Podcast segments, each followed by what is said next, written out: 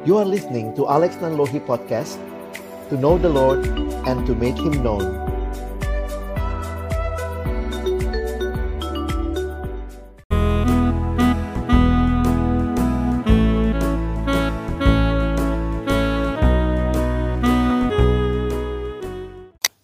Shalom, selamat pagi adik-adik yang dikasihi Tuhan. Mari sebelum kita membaca merenungkan firman Tuhan, kita bersatu di dalam doa. Bapa di dalam surga kami bersyukur kembali pada pagi hari ini. Tuhan memberi kesempatan bagi kami bersama-sama bersekutu, memuji, memuliakan namamu. Dan kami berdoa Sebentar lagi kami akan membuka firman-Mu ya Tuhan. Kami mohon bukalah juga hati kami. Jadikanlah hati kami seperti tanah yang baik. Supaya ketika benih firman Tuhan ditaburkan, boleh sungguh-sungguh berakar, bertumbuh, dan juga berbuah nyata di dalam kehidupan kami. Berkati hambamu yang menyampaikan, setiap kami yang mendengar, Tuhan tolonglah kami semua agar kami bukan hanya menjadi pendengar-pendengar firman yang setia, tapi mampukan dengan kuasa dari rohmu yang kudus, kami dimampukan menjadi pelaku-pelaku firman-Mu di dalam kehidupan kami, di dalam masa muda kami. Bersabdalah ya Tuhan, kami anak-anakmu sedia mendengarnya. Di dalam satu nama yang kudus, nama yang berkuasa, nama Tuhan kami Yesus Kristus, kami menyerahkan pemberitaan firman-Mu. Amin. Adik-adik yang dikasihi Tuhan, pagi hari ini Kak Alex ingin mengajak kita bersama-sama merenungkan tema yang diberikan kepada kita, When you say yes, when you say no. Wah, ini penting banget dalam hidup kita. Kapan mengatakan iya, kapan mengatakan tidak terhadap pergaulan. Pagi hari ini saya mengajak kita membaca satu bagian firman Tuhan di dalam 1 Korintus pasal yang ke-15 ayat yang ke-33. 1 Korintus pasal yang ke-15 ayat yang ke-33 saya akan bacakan bagi kita. Janganlah kamu sesat. Pergaulan yang buruk merusakkan kebiasaan yang baik. Rasul Paulus memberikan nasihat ini kepada jemaat di Korintus bahwa di tengah-tengah kehidupan mereka ada yang namanya pergaulan yang buruk. Hidup itu harus memilih, dan salah satu yang perlu kita pilih adalah pergaulan kita. Itu berarti teman-teman harus bijak di dalam memilih teman. Satu ungkapan yang indah menyatakan kalimat seperti ini. Teman yang baik adalah teman yang membangun temannya, bukan menghancurkan. Teman-teman yang dikasihi Tuhan, bagaimana kita menerapkan firman Tuhan ini di tengah-tengah kehidupan remaja, anak muda yang secara khusus adalah masa-masa memiliki banyak teman. Kalau kita memperhatikan di dalam Alkitab, ada satu realita yang dinyatakan kepada kita bahwa manusia adalah makhluk sosial. Di dalam kitab kejadian pasal yang kedua ayat yang ke-18, Kak Alex bacakan bagi kita.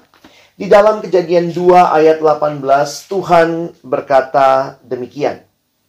Tidak baik kalau manusia itu seorang diri saja aku akan menjadikan penolong baginya yang sepadan dengan dia.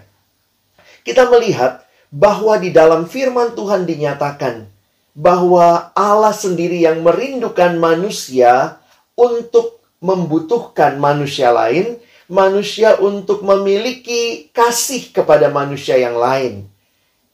Jadi, manusia sebagai makhluk sosial itu bukan cuma teori sosiologi, tetapi itulah yang Alkitab sampaikan tentang natur keberadaan manusia yang membutuhkan manusia yang lain. Setelah kejadian pasal 1 dinyatakan baik, baik, baik sampai sungguh amat baik, Lalu kemudian kejadian 2 ayat 18 pertama kali di Alkitab kita muncul kata tidak baik kalau manusia itu seorang diri saja. Ini menunjukkan bahwa kita membutuhkan sesama. Termasuk di dalam pertumbuhan kita, kita membutuhkan sahabat-sahabat, teman-teman yang boleh membangun kita. Tetapi mengapa kemudian ada teman-teman yang jahat, ada teman-teman yang tidak baik? Saya melihat juga ini realita dari kejatuhan manusia di dalam dosa. Ketika dikatakan tidak baik kalau manusia itu seorang diri, maka kejadian tiga menuliskan bagaimana manusia jatuh ke dalam dosa, manusia berontak kepada Allah, sehingga manusia mencari jalannya sendiri, manusia merasa dirinya lah segala-galanya, sehingga yang terjadi adalah di dalam persahabatan, relasi yang seharusnya saling mengasihi, saling membangun, terjadi relasi yang saling mengeksploitasi, saling merugikan, dan bahkan bisa saling membinasakan. Satu cerita di dalam kejadian pasal 4 sebenarnya menunjukkan kepada kita betapa mengerikannya dosa dalam relasi dengan sesama karena seorang abang boleh saya katakan demikian ya tega membunuh adiknya sendiri. Dan inilah menjadi gambaran kemanusiaan yang sudah jatuh ke dalam dosa, termasuk di dalam persahabatan, betapa egoisnya manusia ketika dia merasa bahwa dirinya lah sebagai pusat, maka persahabatan yang buruk juga muncul. Sepanjang Alkitab diingatkan kepada kita, secara khusus banyak di dalam kitab Amsal, bahwa ada orang-orang yang nampaknya seperti sahabat, tetapi sebenarnya mereka mau menjerat kita, membawa kita dalam hal-hal yang tidak benar. Nah, teman-teman, sebagai anak-anak muda, ini jadi realita yang dekat dengan kehidupan anak muda, yaitu persahabatan. Mari kita melihat di tengah-tengah kehadiran kita di dalam dunia. Pertama, bagaimana kita memilih sahabat yang baik. Saya ingin mengajak kita melihat satu bagian firman Tuhan untuk mengerti tentang menjadi sahabat yang baik. Di dalam kitab Amsal, pasal yang ke-17, Amsal 17 ayat 17 mengatakan demikian. Seorang sahabat menaruh kasih setiap waktu dan menjadi seorang saudara dalam kesukaran. Bagian ini mengingatkan kepada kita sahabat yang baik adalah sahabat yang benar-benar peduli kepada kita. Bukan sahabat yang mencelakakan kita. Dan sering kali kepedulian itu semakin nyata ketika ada krisis. Di dalam kesukaran, maka di situlah terbukti ini sahabat yang baik, yang benar, yang mau membangun kita, atau dia ternyata cuma memanfaatkan kita. Karena itu, mari kita bijak dalam bersahabat. Mari kita pilah dan pilih karena ini bukan hanya berkaitan dengan uh, kehidupan kita semata-mata, tetapi ini juga berkaitan dengan masyarakat di mana kita hidup. Karena apa? Kecenderungannya adalah orang yang jahat akan coba cari teman yang jahat atau membuat teman yang baik jadi jahat supaya nanti dia berkawan, berkelompok dan kemudian jadi jahat bersama-sama dan ini bukan hal yang firman Tuhan nyatakan bagi kita Firman Tuhan mengingatkan waspadalah. Kita masih ingat 1 Korintus pasal 15 tadi? Saya menarik memperhatikan ayat ini. 1 Korintus 15 ayat 33 dikatakan pergaulan yang buruk. Lihat apa yang dirusak. Yang dirusak adalah kebiasaan yang baik. Teman-teman perhatikan, membangun kebiasaan itu tidak mudah. Membangun kebiasaan itu butuh waktu, butuh proses. Sehingga ada kalimat yang mengatakan begini. Kalau kamu menabur tindakan, kamu menuai kebiasaan. Ketika kamu menabur kebiasaan, kamu menuai karakter. Dan ketika kamu menabur karakter, kamu menuai kehidupan. Kalimat ini mengingatkan kita bahwa sebenarnya sesuatu itu jadi kebiasaan setelah kita melakukan tindakan itu berulang-ulang. Jadi saya lakukan misalnya pagi ini bangun, saya baca firman Tuhan, saya baca Alkitab, saya berdoa, besok bangun lagi, baca Alkitab, berdoa, terus. Jadi ketika kita melakukan tindakan, maka tindakan yang diulang, dibiasakan, lama-lama jadi kebiasaan, lama-lama jadi karakter, melekat dengan diri kita.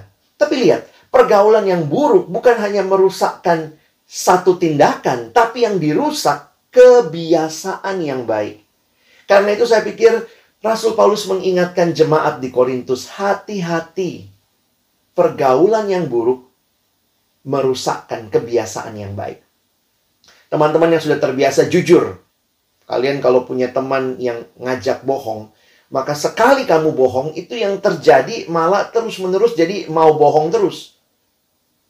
Akhirnya, yang terjadi adalah kebiasaan yang baik yang sudah kamu bangun bertahun-tahun bisa hancur. Nah, sekarang di sekitar kita banyak pergaulan-pergaulan yang tidak benar. Orang-orang yang mengajak kita narkoba, mengajak kita pornografi, mengajak kita kekerasan, sadisme, bahkan juga dalam hal-hal penyimpangan seksual banyak kaum muda menjadi sasaran untuk promosi LGBT. Dan ini jadi sangat mengerikan. Ditambah lagi dengan media sosial yang begitu banyak, yang begitu terbuka, membuat orang muda seolah-olah kehilangan pegangan.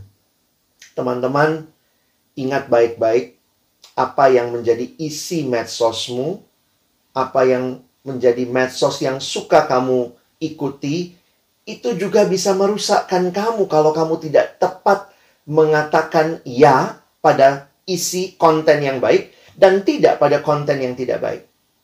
Hati-hati, banyak anak remaja, anak muda pengennya cuma banyak follower. Kalau dia buat Instagram, pengennya banyak follower. Tetapi jangan lupa, kamu mesti tahu siapa mereka.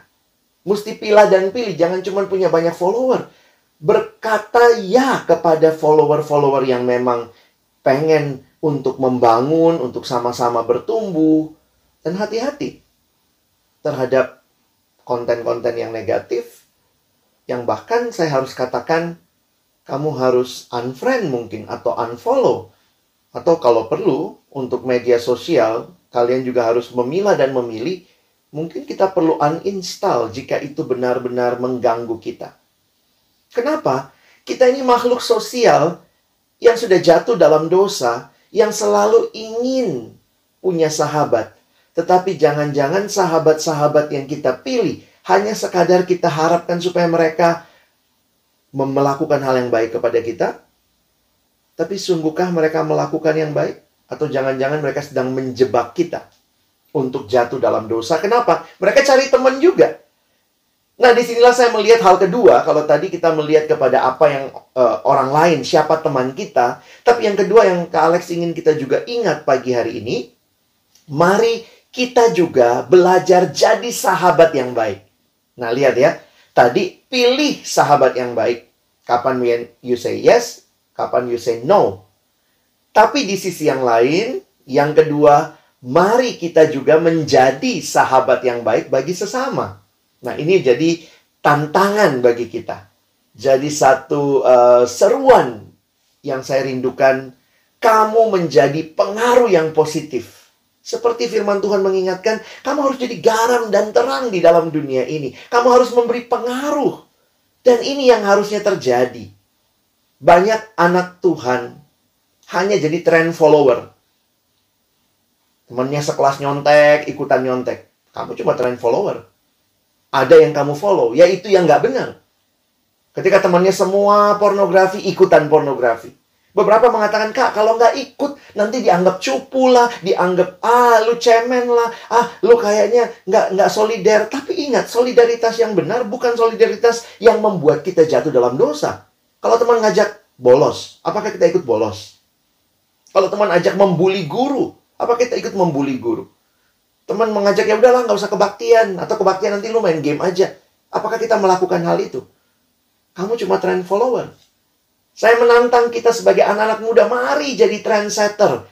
Ketika temanmu dengan sikap yang tidak baik, biarlah kehadiranmu berkata, "Ya, lu ikut gua." Kebaktian dengan benar. Lu ikut gua. Gua mau tidak nonton film porno. Gua mau hidup benar. Lu ikut gua. Gue ingin hidup memuliakan Tuhan.